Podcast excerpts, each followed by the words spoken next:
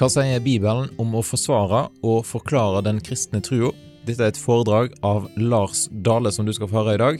Et engasjerende foredrag om den kristne apologetikkens hvorfor og hva og hvordan, ut ifra sentrale bibeltekster. Dette foredraget ble holdt av Lars Dale den 25. januar 2023 i serien Bibelkvelder på Danielsen ungdomsskole på Frekkhaug. Arrangøren av foredragsserien er Nordkirken Nordhordland, Frekkhaug Indremisjon og Mæland kirkelyd. Opptaket er gjort i regi av Bibelkvelder og republiseres med tillatelse. Dessverre er ikke lydkvaliteten tipp topp, men innholdet er såpass bra og viktig at vi har lyst til å dele den i podkasten vår uansett. Så lytt til Lars Dale, som er førsteamanuensis i teologi ved NLA Høgskole Kristiansand og daglig leder for Damaris Norge. Og så har jeg en liten oppfordring her. Hvis du setter pris på Damaris Norge sin podkast, så har jeg lyst til å utfordre deg til å bli fast giver til Damaris Norge. Vi trenger flere med på laget for at vi skal kunne fortsette å publisere ressurser, sånn som podkasten her, og sånn som de ulike nettressursene som vi lager. Så gå inn på damaris.no og finn ut hvordan du kan bli med på laget. Og husk da, hvis du gir over 500 kroner til Damaris Norge i løpet av et år, så har du rett på skattefradrag. Så her er det mange fordeler. Du kan òg gi direkte til kontonummer 3000 43 58 550 om du ønsker det. Dette finner du mer informasjon om hvis du går inn på damaris.no og klikker på menypunktet 'Bidra'. Da sier jeg tusen takk for at du lyttet til podkasten vår, og her kommer seminaret med Lars Dale.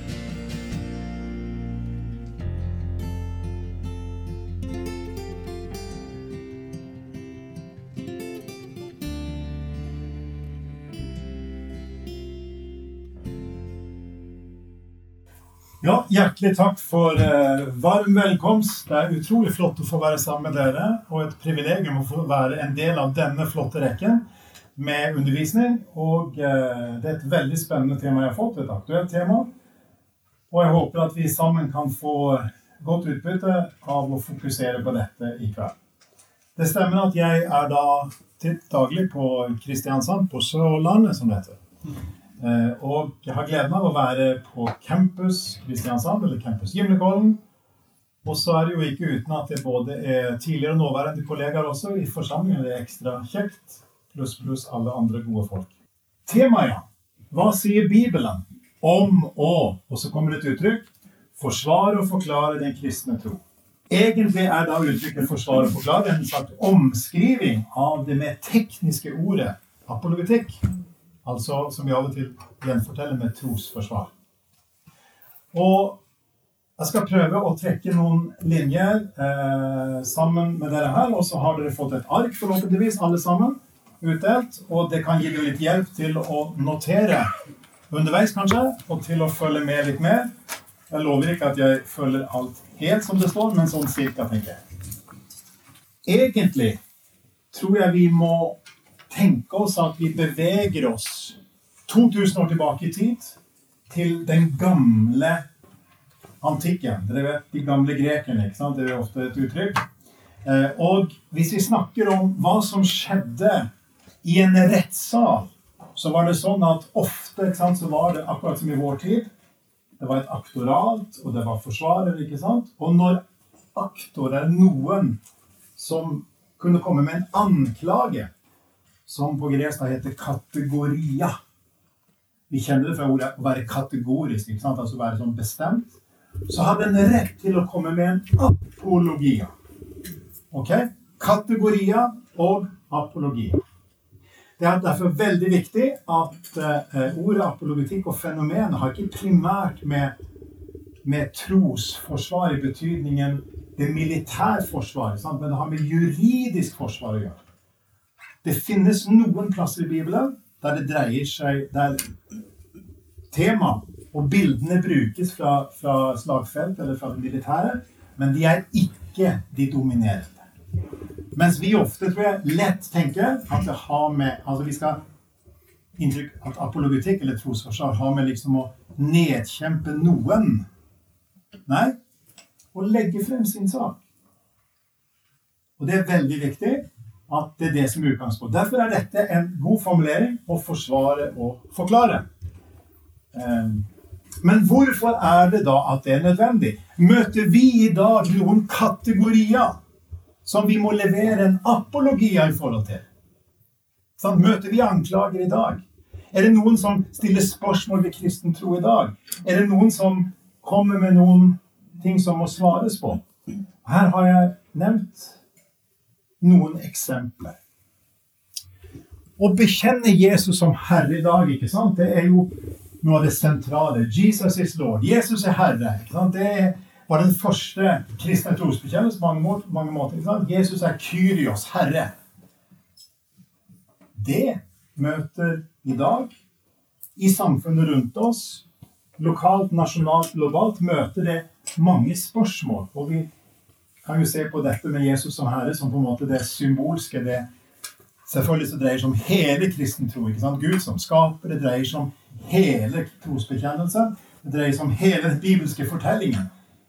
Det kommer mange gode spørsmål til det. Folk vet ikke så mye alltid.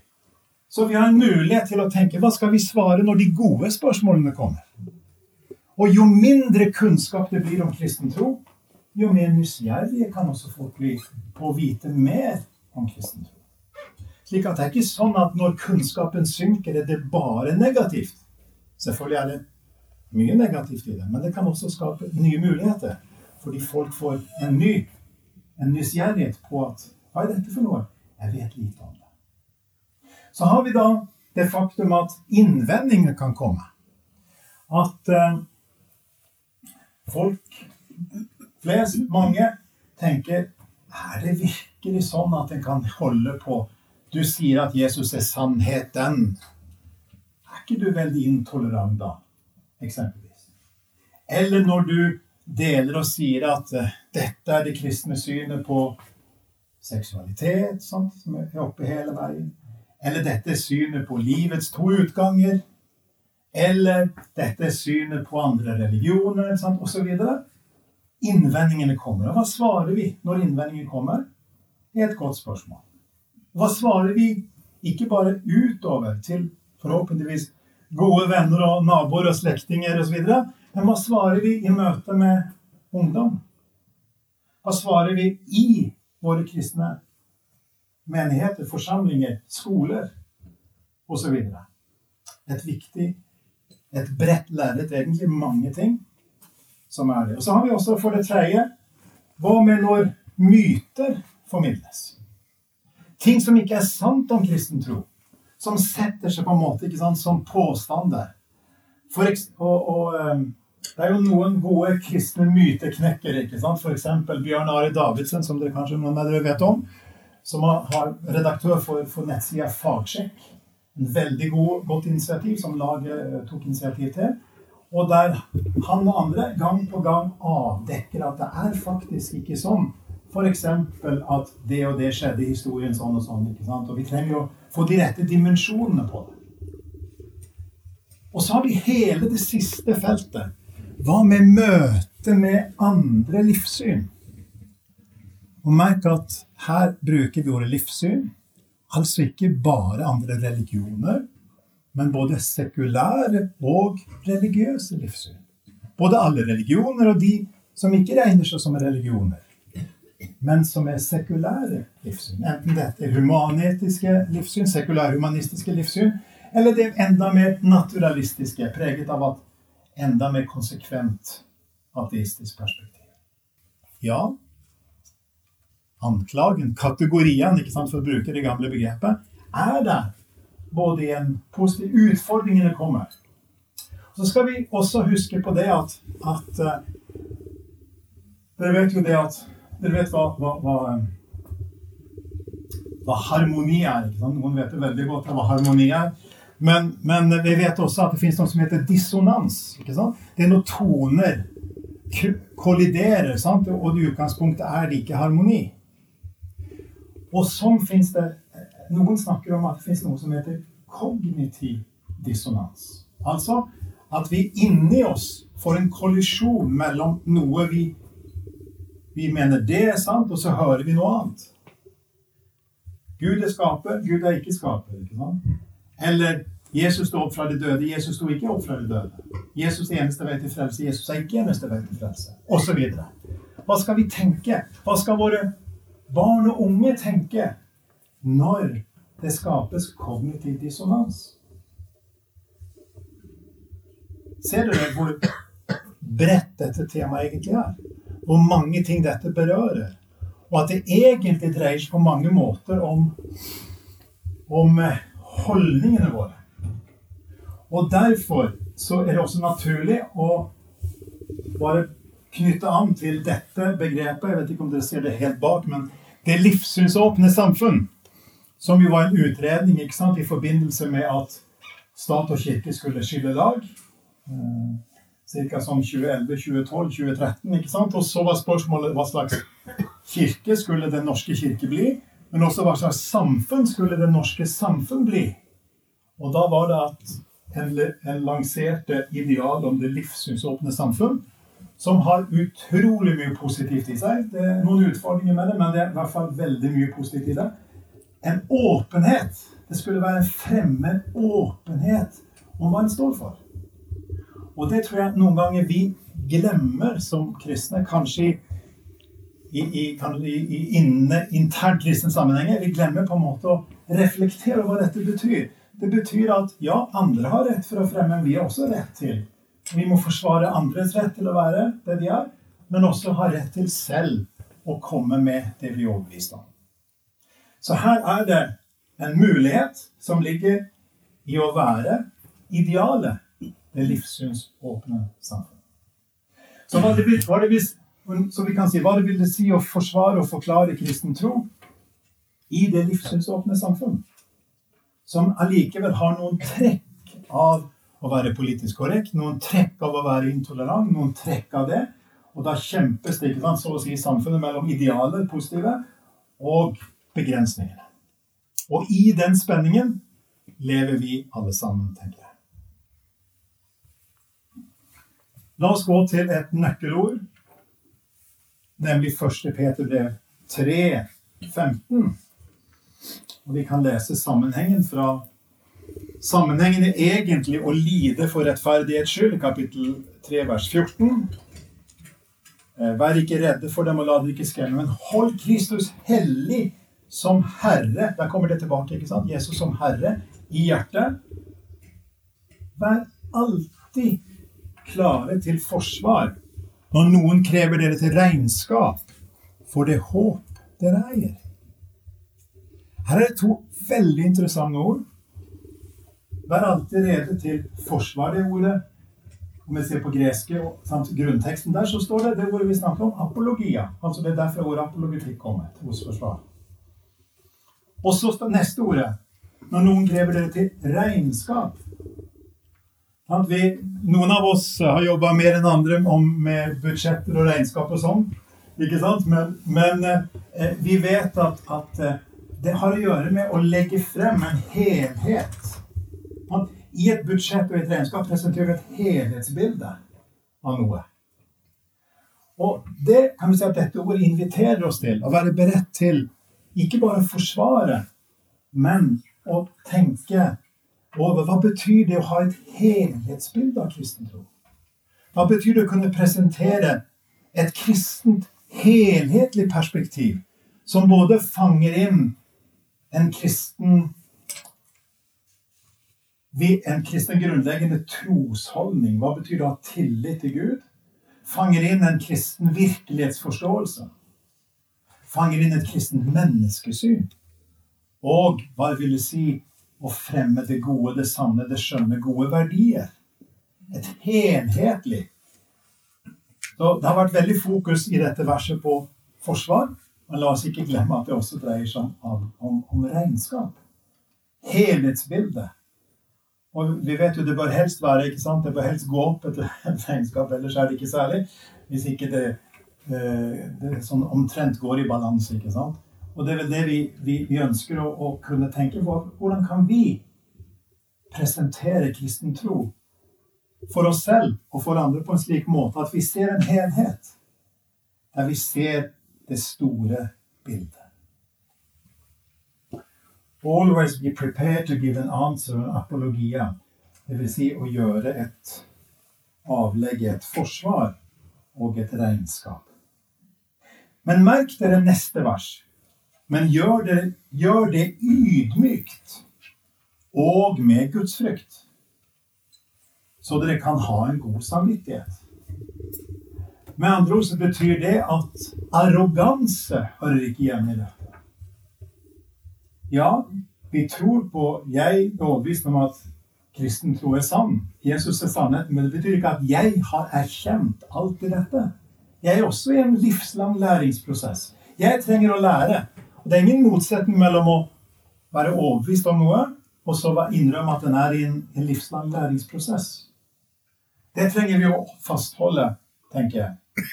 Gjør det ydmykt og med gudsfrykt. Jeg lurer på hva det kan bety. Kan det være i retning av at å frykte Gud vil si at vi ikke egentlig skal frykte mennesker?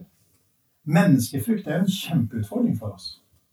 Jeg kjenner det bare for egen del. ikke sant? At akkurat dette er jo en trygg og god setting her, ikke sant? men det er mange settinger som ikke er så trygge og gode som akkurat denne. ikke sant? Og hvordan håndterer vi de? Går vi inn i de ikke med arroganse, men ydmykhet? Som medvandrere? Som mennesker som er på, på en livslang læring med Gud og vår neste. Eh, men ikke frykte mennesker mer enn Gud. Tankevekkende. Så dere kan ha en god samvittighet. Tankevekkende, sterkt formulert.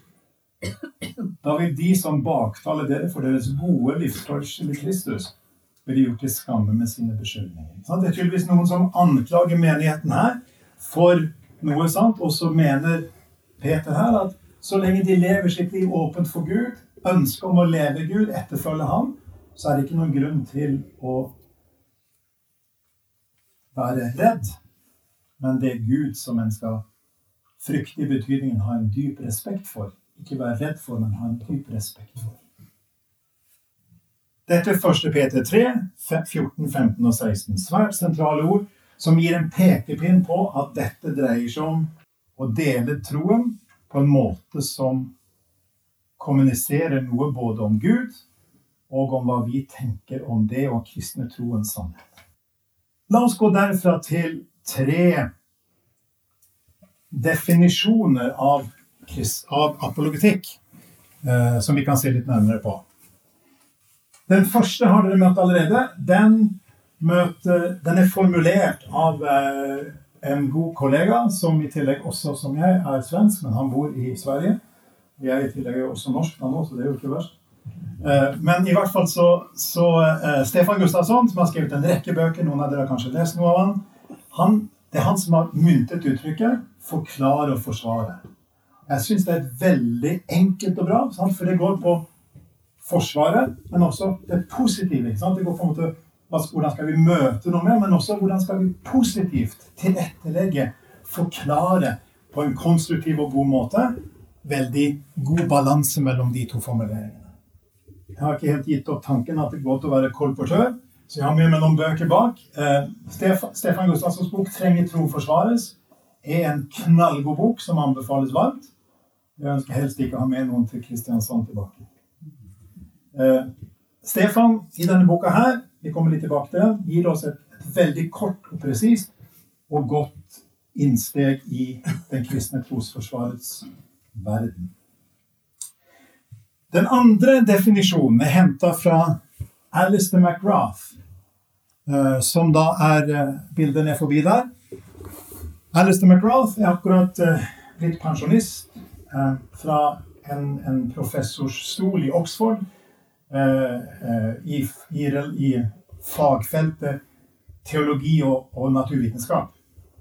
En tungvekter internasjonalt, en av verdens kanskje ti fremste, mest kjente teologer, alle kategorier, tror jeg er riktig å si. Og han har skrevet mye om apologetikk, og han har formulert følge, eller løftet frem følgende tre ord som jeg syns er veldig gode, og utfyller dette andre. Det første ser dere, det er forsvar, ikke sant? Defending. Ok? Det er apologia i klassisk forstand. Det er forsvaret. Kategorier møtes med apologia. Det andre er commending. Og det betyr Vi har de rekommendasjonene, ikke sant? Commend. Det, det betyr anbefale, løfte opp.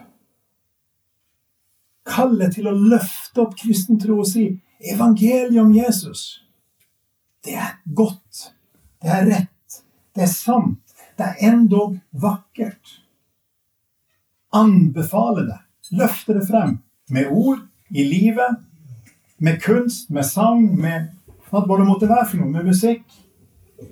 Med kreativitet, med dataspill, you name it. ikke sant? Anbefale det. Løfte det opp og si. Fordi da setter vi kristen tro på dagsordenen. Hvis vi gjør det. Og anbefale, løfte opp. Commending Christian faith. Og Det på en måte ligger litt i forklaring, ikke sant, også, men, men, det er på en måte litt annen valør, litt annen nyanse i ordet. Commending. Som i et rekom, i rekommendere, ikke sant. Eh, commending. Og så sier han også at eh, sånn som misjonærer i alle tider har vært nødt til å drive med en oversettelsesprosess, så trenger vi også det i vår tid. Fordi mange forstår ikke ord og uttrykk lenger. Hva er synd for noe? ikke sant? Ja, det er jo synd at det skjer. Og det er jo absolutt ikke så veldig dyp forståelse av synd. Hvis en sier det, selvfølgelig. Eller så kan det være at synd er noe konkret. noe? Som kristen tenkte før var det synd, og nå er ikke det synd lenger. ikke sant? Og hva betyr så det? Så vet vi at synd i Bibelen er et veldig innholdsfullt begrep Innholdsfullt ord som, som, rommer så veldig mye. Hvordan kan vi få oversette det? Hvordan kan vi oversette det på en måte som, som viser igjen? Som, som uh, gjør at uh, folk begynner å ane det er noe i dette her. Oversettelsesprosess. Noen av dere har hørt at jeg akkurat har jobba med, med, en, en uh, artikkel som jeg gjør av og til i akademia i, i, om uh, en slektning av meg, faktisk min oldefar, som var misjonær på Madagaskar og faktisk het samme sak som meg, Lars Dale, og hans arbeid med kultur Madagaskar. Og jeg har lest det før, men jeg ble jammen imponert. Ikke bare han, men hvordan de jobbet i dybden, arbeidet i dybden med å forstå kulturen. Etter syv år ga han ut Madagaskar og dets beboere i to bind. Året etter en folkloresamling som fortsatt har en rimelig høy eh, stjerne i, i, i den lokale sammenheng Madagaskar. Og det er på en måte det historiske. Men forstår vi vår egen kultur? Forstår vi vår egen sammenheng? Har vi brukt tid på dybdedykk i vår egen kultur? Og særlig hvis vi føler at vi er fremmede i vår egen kultur. Vi kommer litt tilbake til det. Jeg tror dette er utrolig viktig at vi tenker på hva det innebærer å oversette. Oversette. Defending, commending og translating. Så har jeg også tatt med en tredje, eh, tredje definisjon uten bilde, for det er min egen. Eh, den tankemessige begrunnelsen i møte med spørsmål, innvendinger og livssynsalternativer. Vi fikk den i stad. Fordi i snever forstand er apologetikk kristen trosforsvar den tankemessige begrunnelsen. Men i bredere forstand så er det defending commanding, translating. ikke sant? Så det går an å tenke både om det veldig spisset og bredere. Den tankemessige begrunnelsen for den kristne troens troverdighet og relevans i møte med spørsmål, innvendinger og alternativer. Jeg syns den er brukbar. Det, det, det er, hjelper oss til å se at det er en dialog. Vi står alltid i relasjon til noe. Som sagt, spørsmål kan være veldig viktige og gode. Vi trenger ærlige svar på ærlige spørsmål. Innvendinger snakker vi om. Og de kan være krevende, men vi må ikke gå utenom de viktigste innvendingene. Vi må tørre å ta de opp. Og så må vi ikke forholde oss til kristen tro som om vi er i et vakuum uten andre sekulære og religiøse livssyn. Og hvordan tenker vi at barn og unge skal rustes til å vokse som mennesker, medmennesker og som disipler og vitner inn i denne sammenhengen? Ja, da må vi ta dette på alvor på en måte som er konstruktivt, og som er en livslang læringsprosess. Alistair McGrath refererte til her. Og eh, han kommer på Veritas-konferansen på Sørlandet i, på Bibelskolen i Grimstad i oktober. Eh, og han, eh, det Temaet skal være om C.S. Lewis. I år er det 60 år siden C.S. Lewis døde. Eh, og det er mye spennende på gang med C.S. Lewis og Lunde-forlaget og mange andre ting. Det kommer å åpenbares i sin tid. Men det merk dere allerede at det skjer mye spennende rundt ham. Og er det noen som har presentert kristen tro for millioner av mennesker i vår tid, så er det C.S. Og hva særpreget han? Jo, en av de tingene som særpreget han, var at han kombinerte to tilnærminger til uh, kristen apologetikk, symbolisert ved disse to symbolene. Her har jeg henta inn Ås Guinness, som har vært på besøk også i Bergen. Jeg var på besøk på Danielsen også. Eh, en kristen eh, sosiolog, apologet. Utrolig dyktig. Er nå en plass eh, nærmere 80, tror jeg. Og dette er en av hans seneste bøker, som heter 'Dårens tale'. Og han griper fatt i, i Erasmus av Rotterdam sin bok 'A Ship of Folly'. En, en, en, en båt med dårer. Et skip med dårer. Det er ikke her i Bergen det kom en gang et skip. var det ikke det? Eh, men her var det et skip med dårer. Eh, og han sier da at eh, Eller Ås Guinness videreutvikler hans tanke. sier at det fins tre slags dårer i, i, i, kristen tankegang. Den første dåren er the fool bearer. Sant? Den som bærer dårens stempel i verdens øyne, for å bruke det bibelske språkbruket. At folk tenker han kan ikke være helt velbevart hvis han tror på en gud. Den tankegangen å være dåre i verdens øyne. Det andre, the fool bearer. Det første, the fool proper. Den virkelige dåren. Dåren sier i sitt hjerte det finnes ingen gud. Sitat Salmenes bok. Men så fins det en tredje type av dåre, sier Erasmus. Det er the fool maker. Den som hjelper den the fool proper til å skjønne, til å skjønne at han er det. Med andre ord, Og indirekte kommunikasjon, indirekte pedagogikk, om du vil. Sant? Indirekte tilnærming. Da er vi tilbake her sant, til det.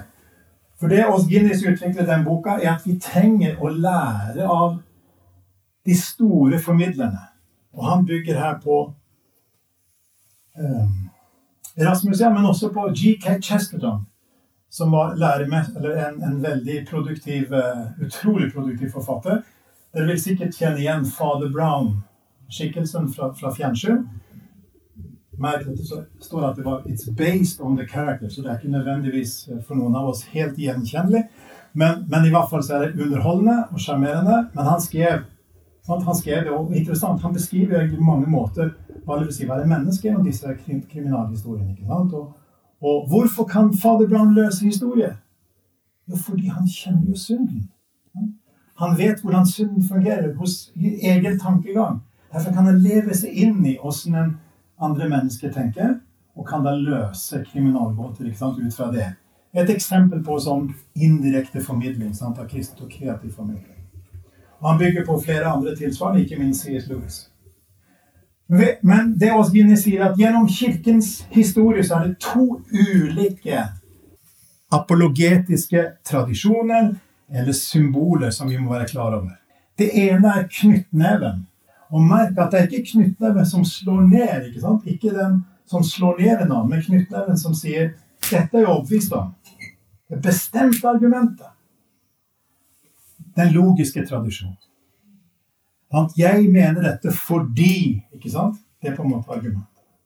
Det andre tradisjonen er den veltalenhetstradisjonen. Den retoriske tradisjonen som inviterer til en kreativ utforsking. Kanskje indirekte, kanskje direkte. Mer kan du si den indirekte formidlingen. Om vi tenker C.S. Lewis igjen, ikke sant, så har vi, eh, hvis noen av dere har, har lest 'Se det i øynene', av han som er hans kanskje eh, kjente på engelsk heter det 'Mere Christianity'. eh, og, og um, Det er på en måte en argumentasjon med mye bilder og mye veldig flott formidla. Opprinnelig er jo det kringkastingstaler i BBC midt under krigen. Midt under annen verdenskrig. Veldig interessant. sant? En, en formidling på, på, åpne arenaer. Men det er mye argumentasjon. Ja. Mens hvis dere har lest Narnia-bøkene, som jeg regner mange har gjort, så er det et eksempel på elokventia. Sånn? Eksempel på den indirekte formidlingen.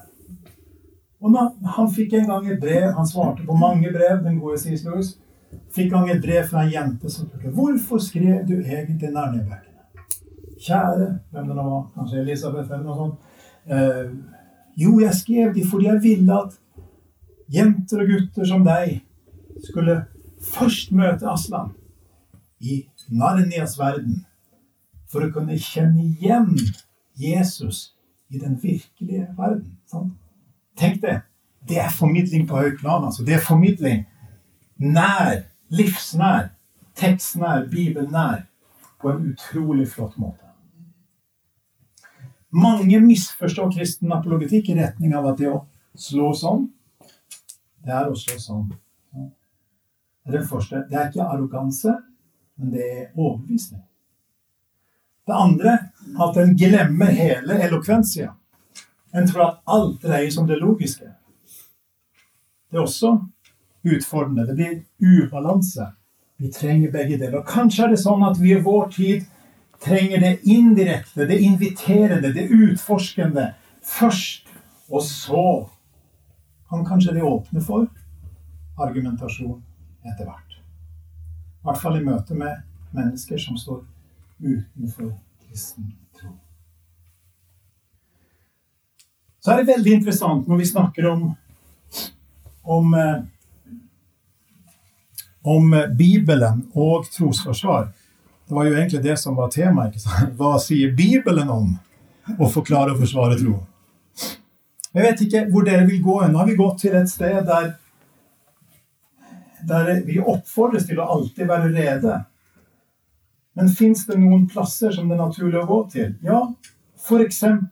Lukas 1, der Lukas skriver om hvorfor han skrev sitt evangelium. Og så finner vi disse utrolig interessante ordene til slutt. Vers 3 og 4. Nå har også jeg bestemt Men vi kan, si, vi kan si, lese hele 1 til 4. Mange har forsøkt å gi en fremstilling av det som er blitt oppfylt blant oss, slik vi har fått det overlevert av dem som helt fra først av var øyenvitner og tjenere for ordet.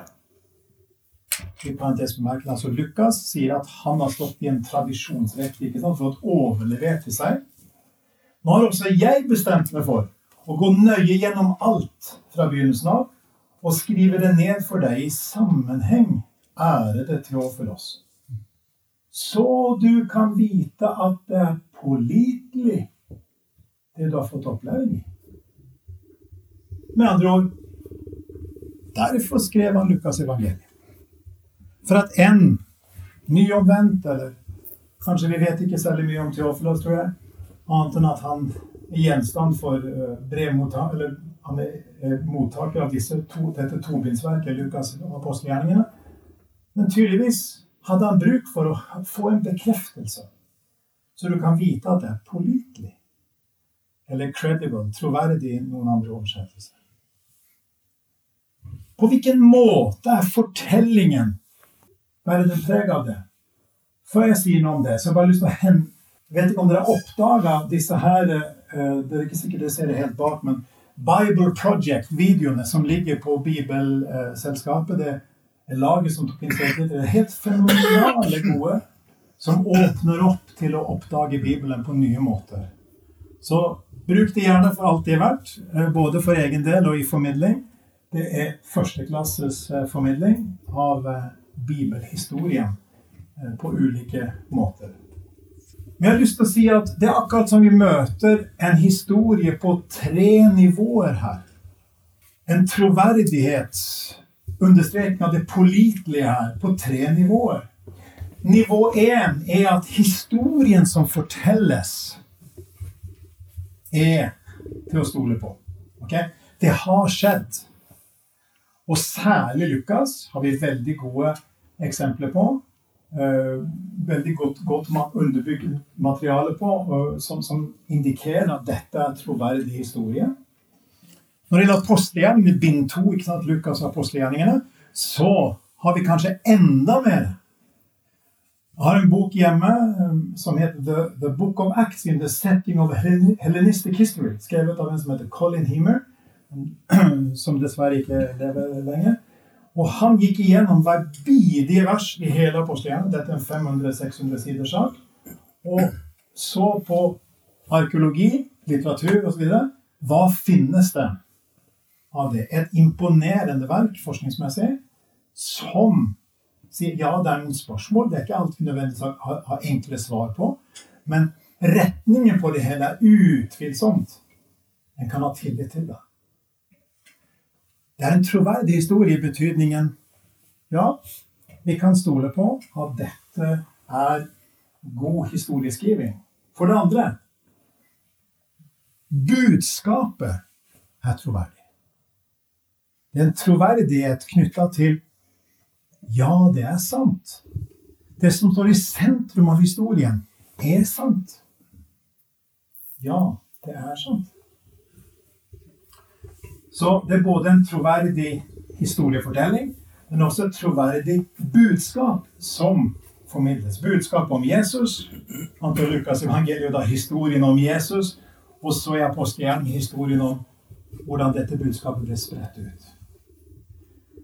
Så kan vi si at det er enda et nivå her. Og det er at det å tro på Jesus er troverdig. Altså har, det, er legitim, det, er legitimt å komme til tro. Det er riktig. Det er, ikke, det er, et riktig valg. Både å komme til tro og fortsette å tro. Det er ingen grunn til å gi det opp. Det er ingen grunn til å gi det opp. Og tenk på de første kristne, hvor raskt forfølgelsen kom. Hvor raskt det ville være å tenke dette her var bare noen ideer og tanker. Men de holdt fast. Fordi de var overbevist om at dette var sant. De holdt fast på budskapet. De holdt fast på evangeliet og evangeliets kraft. En troverdig historie på tre nivåer, som en troverdig historisk fortelling, som et troverdig budskap, og som en tro som er verd å tro på. Troverdig. Så har vi ikke anledning nå til å gå inn på, på, på eh, de mange eksemplene, men i denne boka så tar Stefan Gustavsson for seg at faktisk kan en si at også Jesus var apologet. Var trosforsvarer, om du vil. Forklarte og forsvarte. Eller forsvarte og forklarte. Tenk alle de samtalene Jesus hadde. Hvordan han møtte mennesker. Han, han møtte de eh, på en måte som respekterte de, og samtidig utfordra de ofte. Eh, og i denne boka så kan vi lese om at, at uh, hvordan var Jesus i møte med andre mennesker? Hvordan var Jesus i møte med spørsmål? Og vi møter det hos Peter, vi møter det hos Paulus. Og det er en veldig fin tilrettelegging av alt det, så herved sagt. Det bringer oss videre til at det fins et dypere aspekt i dette.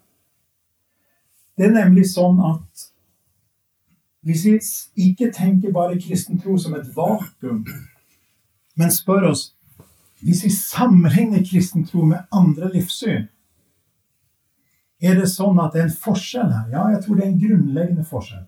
Fordi kristen tro i sitt vesen inviterer til å bli undersøkt. Jeg tror jeg gjentar det. Kristen tro til sitt vesen inviterer til å bli sjekket. Fins det en skaper, eller fins det ikke? Ja vel? Det går an å argumentere og sette opp argumentene ikke sant? for og imot. Bare, hvordan blir det, da? Hva er menneske? Er menneske unikt? Det går an å sette opp argument for og imot. Og hvordan blir de argumentene? Det går an å tenke at hele skapelsen er på en måte som en ramme rundt Bibelens fortelling. Eller for å uttrykke det teologisk den allmenne åpenbaringen. At Gud åpenbarer seg i naturens bok. En ramme for at Gud åpenbarer seg i Skriftens bok. Og før har vi tatt det som en selvfølge. Vi har på en måte forutsatt at det er sånn. Men i vår kultur er det ikke lenger sånn. Sant? Det er ikke sånn at folk tenker uten videre at det fins en skaper, eller at Bibelens fortelling er sanning. Um, Luther hadde en nær medarbeider som var nesten like kjent som Luther, Philip Melanchthon.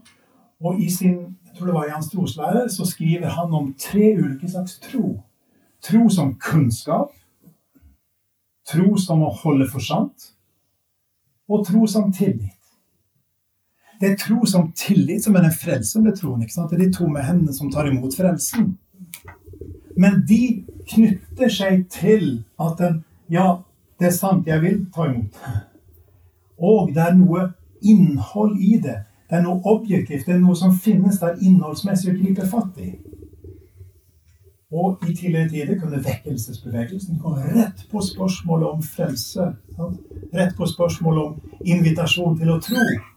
Fordi en hadde på plass veldig mye kunnskap. Og i kulturen lå det så å si en, en, en, en underforstått tanke om at dette er nok sant. Selv om jeg personlig kanskje ikke tror på det. Så lå det liksom i kulturens premisser. Derfor er vi nødt til å ikke bare tenke isolert på tro som tillit, men sette det inn i den større sammenhengen. Tro både som kunnskap Hva tror vi på? Tro som forsantholdende. Da er vi rett inn i det apologetiske landskapet. Sant? Som knytter sammen kunnskapen og tilliten på mange måter. Og tro som kunnskapsformidling. Det er veldig flott med trosopplæringsinitiativene som har vært ut, utrolig mangfold. Og vi har fått være med på det gjennom både eh, NLA og, og, Damaris Norge på mange måter. Men noen ganger lurer jeg på om, om, om det primært forholder seg på kunnskapsformidlingen.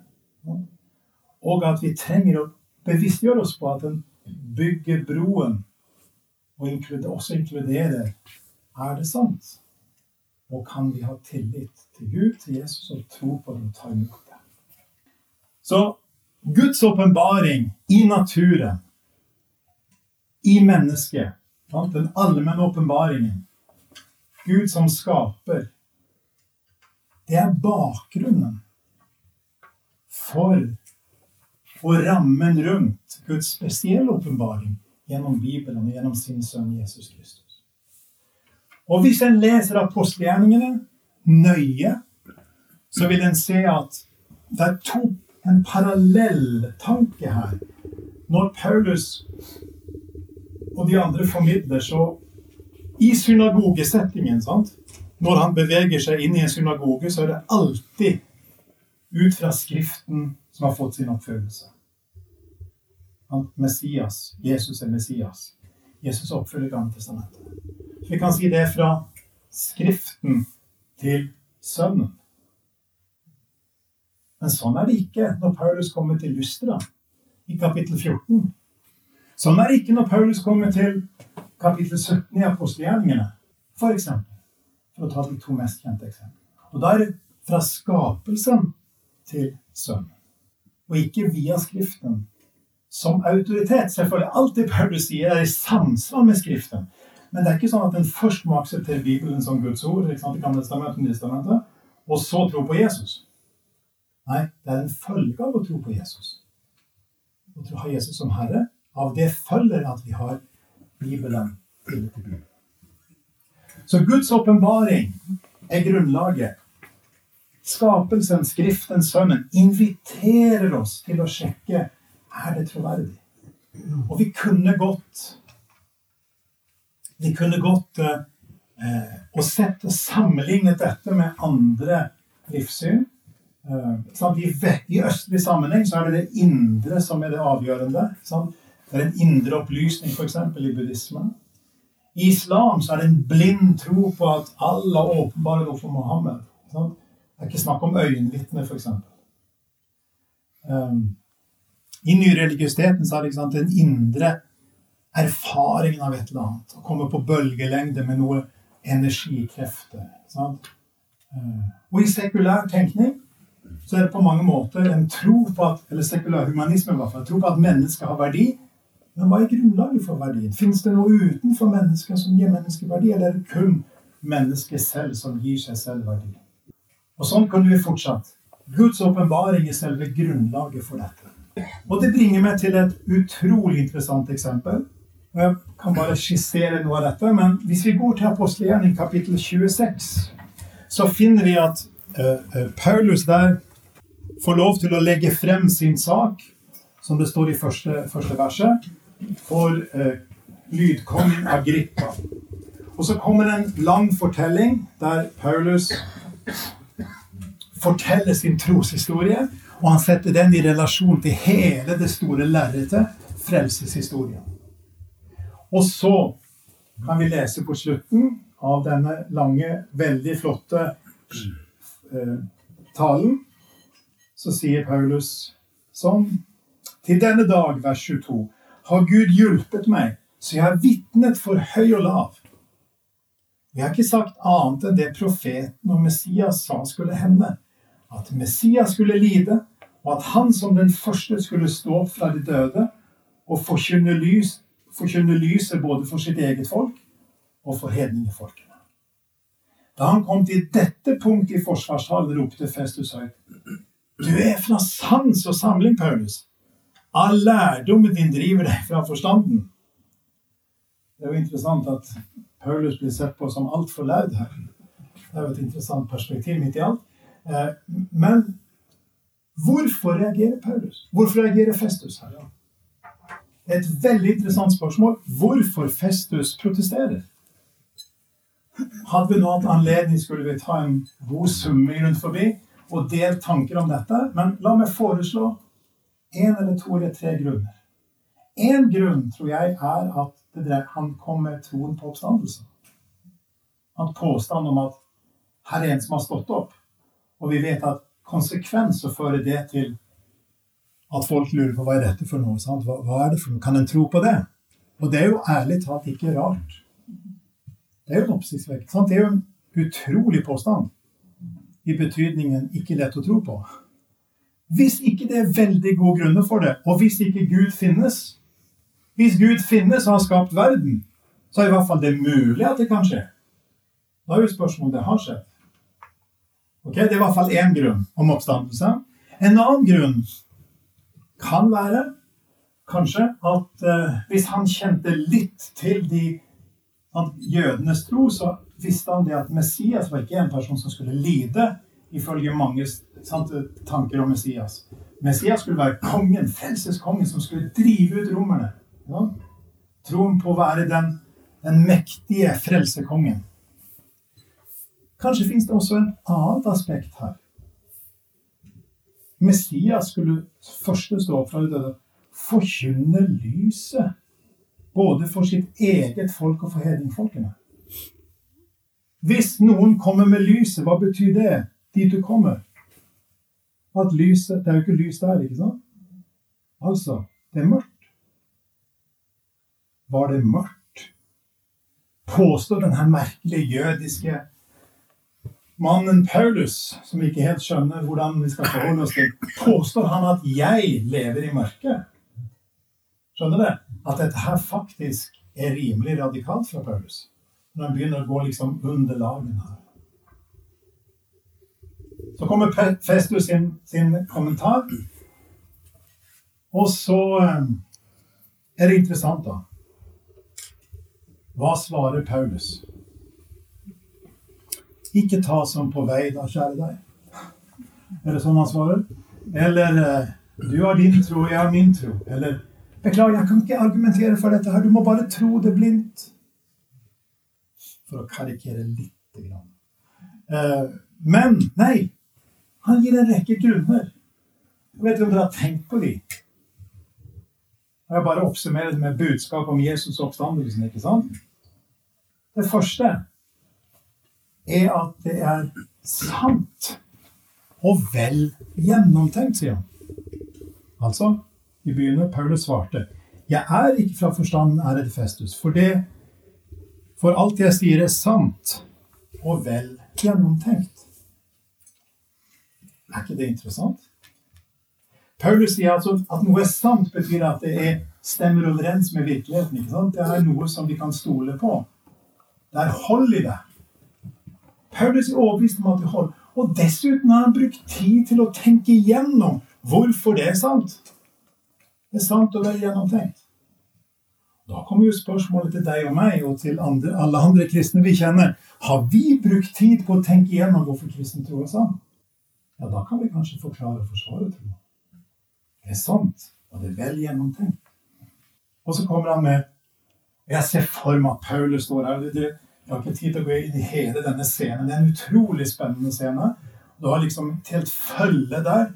Alle dignitærer ikke sant? Liksom på rekke og rad. Og så har du liksom han sjefen, ikke sant? det er jo landshøvdingen. Ikke sant? Så har du kongen som liksom er litt halvsjef. Og så sier han liksom nesten mot Festus, ikke sant? men retta til kongen. Indirekte. Kongen kjenner til alt dette. Altså med Jesus, ikke sant? det som skjedde med Jesus. Og til ham taler jeg rett ut. Vil det si at Paulus ikke taler rett ut til Festus? I don't know. Kanskje. At det ligger en tanke på indirekte og direkte kommunikasjon her. Og så kommer det. Jeg er overbevist om at ikke noe av dette er gått ham forbi. Så fortsatt til Festus, ikke sant? Det er ikke noe av det gått ham forbi. Det er jo ikke skjedd i en avkrok. Det står i et hjørne. Sant? Det skjedde i Jerusalem. Det finnes massevis av øyenvitner. Historiens skueplass åpnes opp for oss. Og så snur han seg mot Agrippa og sier, kongen, tror du på profetene? Kong Agrippa. Jeg vet at du tror. Wow, ikke sant? Her er på en måte sammenhengen med hele Det gamle testamentets lange fortelling om frelsen. Og så Jesus som, som, på en måte samler alt dette i seg. Vet du om dere har sett disse her fantombildene som politiet bruker ikke sant? når de etterlyser noen. ikke sant? Eh, og jeg ser for meg at Gammeltestamentets bilde av, av, Messias er som et sånt fantombilde. ikke sant? Og så ser vi Jesus. Yes! Det er han det gjelder. Han er Messias. Han er oppfyllelsen av, av alle profetiene i, i, i, i absolutt forstand. Så kommer en utrolig interessant kommentar. Agrippa sa til Bøll det er like før du får overtalt meg til å bli en kristen. Det altså ligger noe i dette budskapet som virker som en personlig invitasjon. Det er som en magnetisme i evangeliet som trekker Agrippa i retning ikke bare Paulus, men evangeliet om Jesus. En nydelig scene. Og så svarer Paulus da like før eller langt igjen Mitt ønske til Gud er at både du og alle som hører meg i dag, må bli som jeg, bare uten disse lenkene. Og så ser vi noe veldig interessant. At uh, de reiser seg opp. Kongen reiste seg sammen, landshøvdingen Berenike og hele følget deres ser dere foran dere, Da de hadde trukket seg tilbake, snakket de med hverandre og sa den mannen har ikke fortjent noe som han fortjener dødsstraff eller fengsel for. Og Agrippa sa til Festus han kunne ha vært løslatt om han ikke hadde anket til keiseren. Og Vi kan vel se for oss at eh, det kan godt være at Lukas hadde gode kilder blant de som trakk seg tilbake her i følget, noen som kanskje ble kristne. For det skjedde for åpen scene, denne formidlingen. Og hvis Agrippa følte dette tiltrekkende, hva var mer naturlig enn at noen andre også var trukket til kristen tro gjennom hele denne formidlingen? Og hva er det Lukas vil ha frem? Jo, Paulus er ikke en samfunnsfiende. Jeg vet ikke alt om norsk litteratur, men er det ikke noe der? Paulus er ikke en samfunnsfiende. Folkefiende. Hva svarer vi når spørsmålet kommer? Hva svarer vi når innvendingene kommer? Hva svarer vi når mytene kommer? Hva svarer vi når vi står i møte med andre livssyn?